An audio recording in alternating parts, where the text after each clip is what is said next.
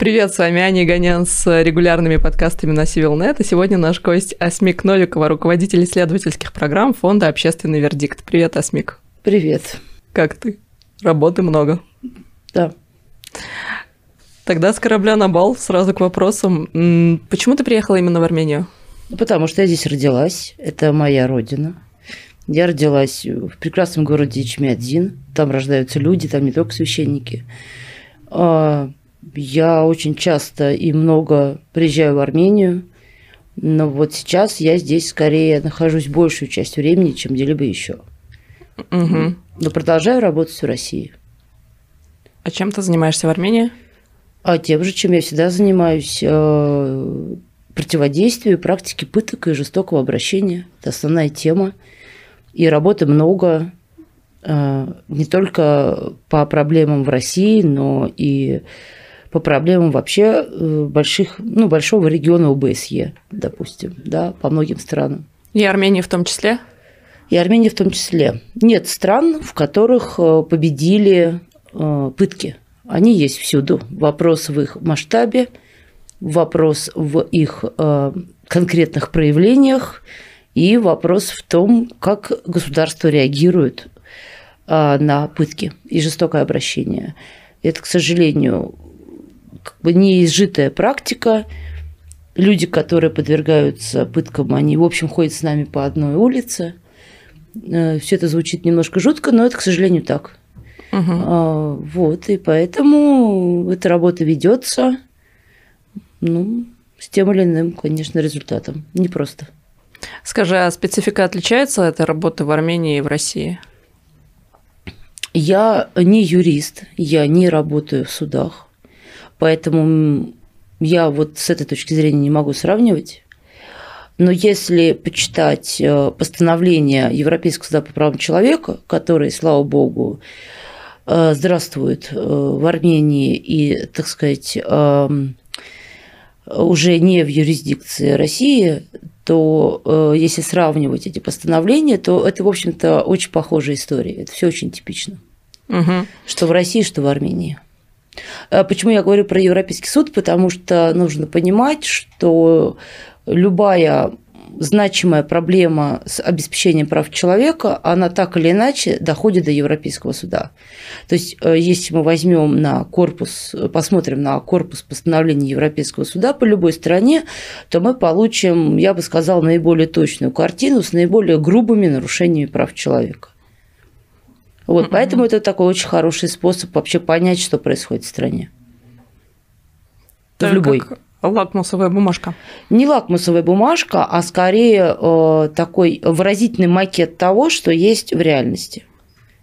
Точный выразительный макет того, что есть в реальности.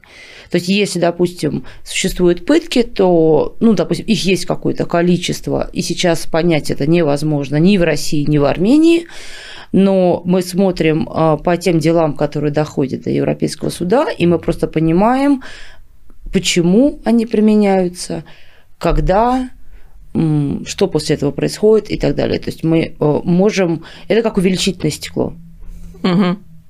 А скажи, пожалуйста, а, ты сказала, что пытки есть везде, и в том числе ты работаешь с тюрьмами.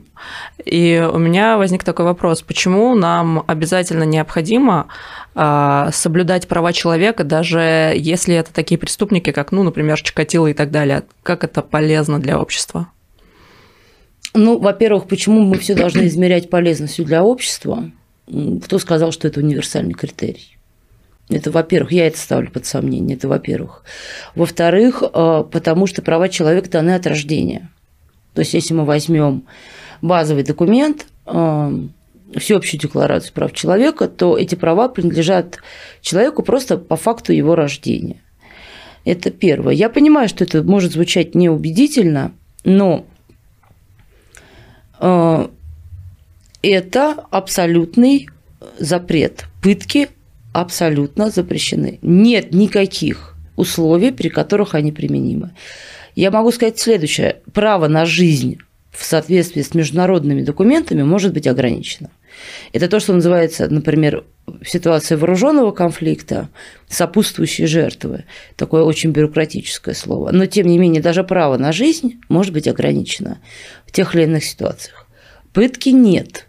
Не существует никаких причин, допускаемых международным правом, чтобы пытки применять. Они запрещены. Это абсолютный запрет. И э, это связано с тем, что если правоохранительные органы или интернатные учреждения, или там, допустим, медицинские а, учреждения полузакрытые, ну, допустим, психиатрические стационары, будут применять жестокое обращение, это термин жестокое обращение, будут применять пытки, то у них просто понижается качество работы. Если что-то можно сделать, прибегая к насилию, то в какой-то момент насилие становится основным методом потому что все остальное сложнее.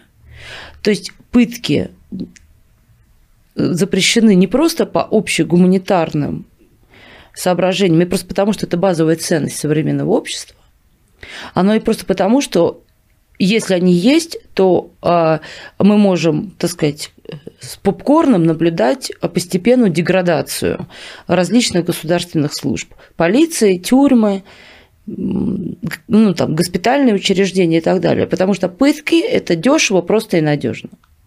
Угу. А нужно, чтобы было сложно. Нужно соблюдать процессуальные права.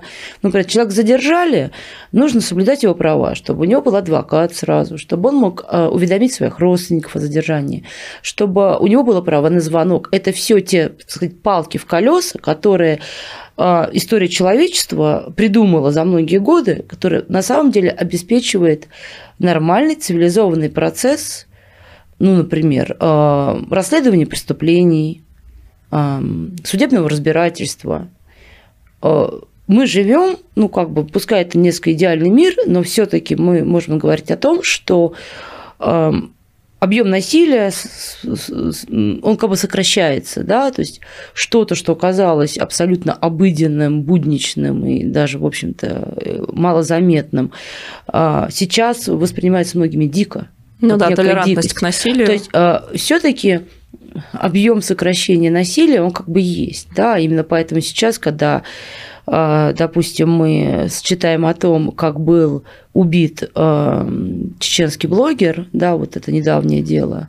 Да. Да, то есть человеку просто воткнули в рот гранату и взорвали.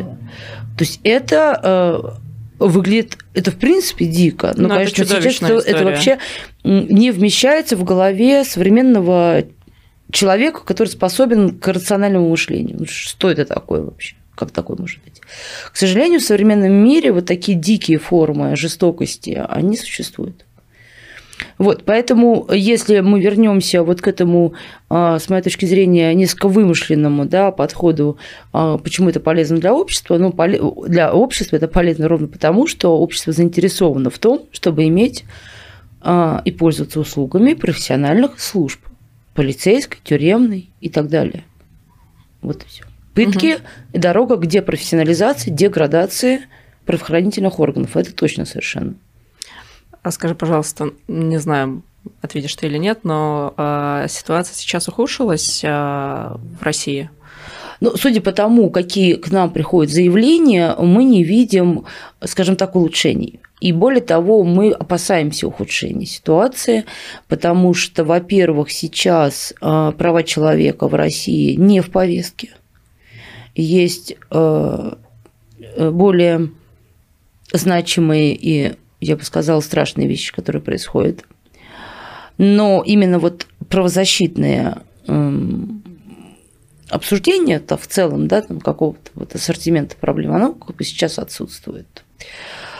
Э, и на этом фоне, естественно, какие-то случаи, которые раньше получали бы общественное внимание, а это тоже работает как защита, да, сейчас этого не получают. Кроме того, страна находится в состоянии вооруженного конфликта, и большая часть правоохранительных органов, с моей точки зрения, сейчас получают боевой опыт, который будет им очень мешать возвращаться обратно в общество, в нормальную гражданскую службу. Мы знаем, что Росгвардия находится в Украине, и я думаю, не только Росгвардия. И это люди, это, это, это ветераны боевых действий, которые вернутся, и им нужно будет учиться заново работать в мирных условиях. И я надеюсь, что хотя бы это проблематизируется. Но по опыту первых двух чеченских компаний мы знаем, что а, проблема ветеранов Чечни, она была очень острой, и она не, не рассосалась само собой, да, то есть это вопрос сложный. То есть градус насилия может вырасти в российском обществе просто потому, что вернутся ветераны, ветераны вооруженного конфликта, свежие ветераны. Угу. Вот. Кроме того, эм, тюрьмы продолжают быть закрытыми структурами, а, внешнего доступа туда нет, а, в том числе, ну, например, не всегда адвокаты могут попасть к своим заявителям, которые уже сидят. А в 2018 году мы эм, были вынуждены э, опубликовать э, видео с видеорегистраторов Ярославской колонии, и мы видели просто коллективное телесное наказание. Это типичная практика. Это уже, наверное, дай бог мне памяти, третий или четвертый эпизод. То есть это одна и та же абсолютная история. Это человек, распластанный на партии, десяток сотрудников, которые методично его избивают, причем меняют роли, кто-то устает, передает другому. То есть это настолько такой конвейерный процесс, когда на это смотришь, ты понимаешь, что это не спонтанное проявление жестокости, а это просто существующая практика телесного наказания. И вот на текущий момент э, наши юристы, в первую очередь э, Ира Бирюкова, адвокат нашего фонда, добились уже приговоров в отношении 22 где-то сотрудников тюрьмы. Ну вот, ярославских колоний. Что я хочу сказать? А, это то, что нам удалось сделать одной организации. Мы знаем а, про ангарский бунт, мы знаем, что там было после этого, какие пытки. А, мы знаем про Саратовский архив тоже, где тоже были показаны сексуализированные издевательства. То есть это какая-то совершенно непрерывная история. Это только то, что становится известным. Поэтому я боюсь, что сейчас, с учетом пониженного общественного внимания к проблеме пыток, с учетом в целом других интересов, я бы так сказала, э, общества, э, я боюсь, что насилие в закрытых учреждениях будет больше. Но активисты по-прежнему есть в России, они продолжают свою деятельность, правильно? Ну, в частности, мы. Да. Только мы не активисты, мы правозащитники.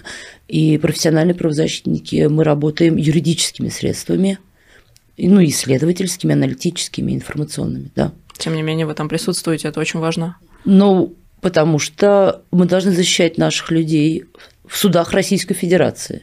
Другого не дано, особенно после разрыва отношений с Европейским судом. А по поводу разрыва отношений с Европейским судом, а, мне кажется, это очень опасная тенденция, и ничем хорошим это закончиться не может. Будем посмотреть. Есть э, ООНовские структуры. Но если вот я могу сказать вот мое мнение, вот чисто даже такое личное, эмоциональное, это, конечно, катастрофа. Это совершенно прекрасный суд на самом деле. Это очень важные решения. Они очень сильно повлияли на изменения в России, на реформы. Действительно, сейчас это понятно. А, Россия себя объединила, отказавшись от юрисдикции Европейского суда. Ну, тут сложно сказать, кто, кто от кого отказался, но, в общем, произошел разрыв, и э, потеряет от этого Россия, к сожалению, и российские граждане. И граждане других стран, которых, чьи права могут быть нарушены в России, которые могли бы обращаться в Европейский угу. суд э, с жалобами против России. Вот я бы сказала, я бы скажу, хочу сказать, что мы, конечно, да, здесь обеднели. Угу. Как ты думаешь, э, от чего эм, повышается вообще уровень агрессии, в, в том числе и в тюрьмах? Почему такой большой, высокий фон агрессии среди сотрудников? Это сложный вопрос. Э, и я не хочу утомлять людей, которые будут это слушать и смотреть. Эм, ну, то есть, как бы, да, вот, что называется, такая огромная тема, не знаешь, за какое место пощупать слона. Но, во-первых, конечно же, первая причина – это безнаказанность. Что такое безнаказанность? а, в стране нет эффективного механизма реагирования на пытки. Все очень просто. Если они случились, если, скажем так, власти это допустили, значит, по крайней мере, у них есть обязательство провести быстрое, тщательное и как бы, всестороннее расследование. Мы по большинству дел о пытках видим, что этого не происходит. То есть, так сказать, человек, который применяет пытки, он чаще всего думает, что, в общем-то, он не пострадает от этого. Это очень важно. То есть первое, что нужно сделать, применять Уголовный кодекс Российской Федерации, который даже в текущем режиме у нас не криминализована пытка, так как надо было бы это сделать, а, в общем-то является хорошей основой для того, чтобы а, власти реагировали на каждый случай пыток и наказывали за это. Это первое. Второе. А, тюрьмы в России не менялись я бы сказал так, с 50-х годов. То есть это, по сути, система ГУЛАГа, просто по-другому называется. Они не реформированы. Все реформы, которые были, они просто, так сказать, обновляли то, что есть. То есть это лагерь, это лагеря бывшие. То есть, по сути, это коллективное содержание в больших общежитиях, называется бараки. А, это огромные колонии, по несколько тысяч человек. И хотя последние годы конечно, число заключенных резко сокращается, тем не менее это эм, такое коммун, это такие вот закрытые изолированные коммуны, да. Это все надо переделывать. Современная тюрьма выглядит по-другому, где у каждого есть своя комната, назовем это камерой, где человек может из нее выходить и заходить, потому что он не проводит все время в этой камере, у него день заполнен работой, занятиями, там, всем чем угодно. Но а, то, как это устроено сейчас, это ситуация управленческого коллапса, когда тебе нужно управлять большой толпой заключенных. И в такой ситуации, конечно, методы давления, шантажа, насилия, они будут э, преобладать. Угу. Это не оправдывает этого ничего. Ну, то есть, ну, ну, это казарма, да? Ну, как тут вот? Ну, здесь вот, вот так вот только может быть. Как дедовщина какая-то. Да, ну и потом, я не знаю, мне кажется, что, ну вот, например, если читать там Уголовный кодекс, Уголовно-исполнительный кодекс России, есть э, такой вполне себе разнообразный инструментарий того, что можно делать заключенными, если они что-то нарушают уже в колониях. Но это не работает. Мне кажется, это не работает, потому что в России за малейшие нарушения, ну, пару раз вынесут выговор, как санкция заключенному. А так чаще всего это штрафной изолятор. Вот мы видим, да, сейчас э, всем рассказывают, как будто впервые об этом узнали, что вот э, Навального только что выпустили из СИЗО, потом обратно посадили заново. Но это, это настолько рутинная практика в России. Ничего не мешает им человека держать в ШИЗО просто непрерывное время. Они просто могут его выпустить из ШИЗО, он спустится в отряд, и через пять минут его вернут обратно. А чаще всего просто в ШИЗО приносит свежее постановление начальника колонии, что у него обнаружили еще какое-то нарушение, поэтому ему еще добавляют сутки нахождения в штрафном изоляторе, ну, по сути, в карцере. Эм, в 2016 году было внутреннее письмо, ведомственное письмо а, во ФСИН, ну, тюремной службе России, где было прямо сказано, что можно даже и не поднимать заключенного в отряд, а оставлять в ШИЗО. И поэтому вот это запрет нахождения в ШИЗО больше 15 суток, он очень легко преодолевается в России. У нас очень много заключенных, которые вообще фактически все время своего э, наказания на самом деле не в колонии общего режима находятся, а в штрафном изоляторе. Это, по сути, это хуже, чем тюремный режим. То есть решение суда, который говорит, что этот человек совершил то-то, он виноват, и он должен три года провести в колонии общего режима, оно очень легко преодолевается, просто вот перешагивается начальником колонии. Ну, то есть я хотела сказать, да, да, чтобы эту мысль не потерять, что когда ШИЗО наиболее суровое наказание раздается направо и налево за малейшие нарушения ну, правил внутреннего распорядка, то сама идея этого наказания профанируется. Все, оно перестает работать. Опоры, опоры на закон, получается, нету. пор на... Нет, оно есть, просто э, правоприменение таково, что формально, да, формально как бы они могут это делать, но вы выхолащиваете смысл самого сурового наказания. В результате, когда у вас действительно есть нарушители, ну что вам остается? Ну, идите на перережим, то есть отправ... идите с документами в суд, отправляйте в тюрьму и так далее. Но это действительно очень сложная тема. Я поняла. Хорошо. Э, смотри, да, действительно, э, большой объем мы не уместим в короткий подкаст. Э, есть ли у тебя что-то, что ты хотела бы добавить, что я тебя не спросила? Или если нет, тогда... Я хотела бы сказать, что несмотря на то, что э, в наших странах есть э, всегда какой-то очень актуальный набор э, тем, и общественное внимание там, допустим, приковано к чему-то, и в России так происходит, и в Армении есть своя повестка. Тем не менее, не забывайте про то, что в современном мире существуют пытки жестокое обращение, и это недопустимые вещи, и здесь общество может э, очень много сделать просто самим фактом внимания к этим проблемам и требованиям, артикулированным, законным требованиям а, того, чтобы это было преодолено. Это важно. Хорошо. Спасибо большое, Асмик. Спасибо вам. С вами была Аня Игонян и мой гость Асмик Новикова. Следите за подкастами.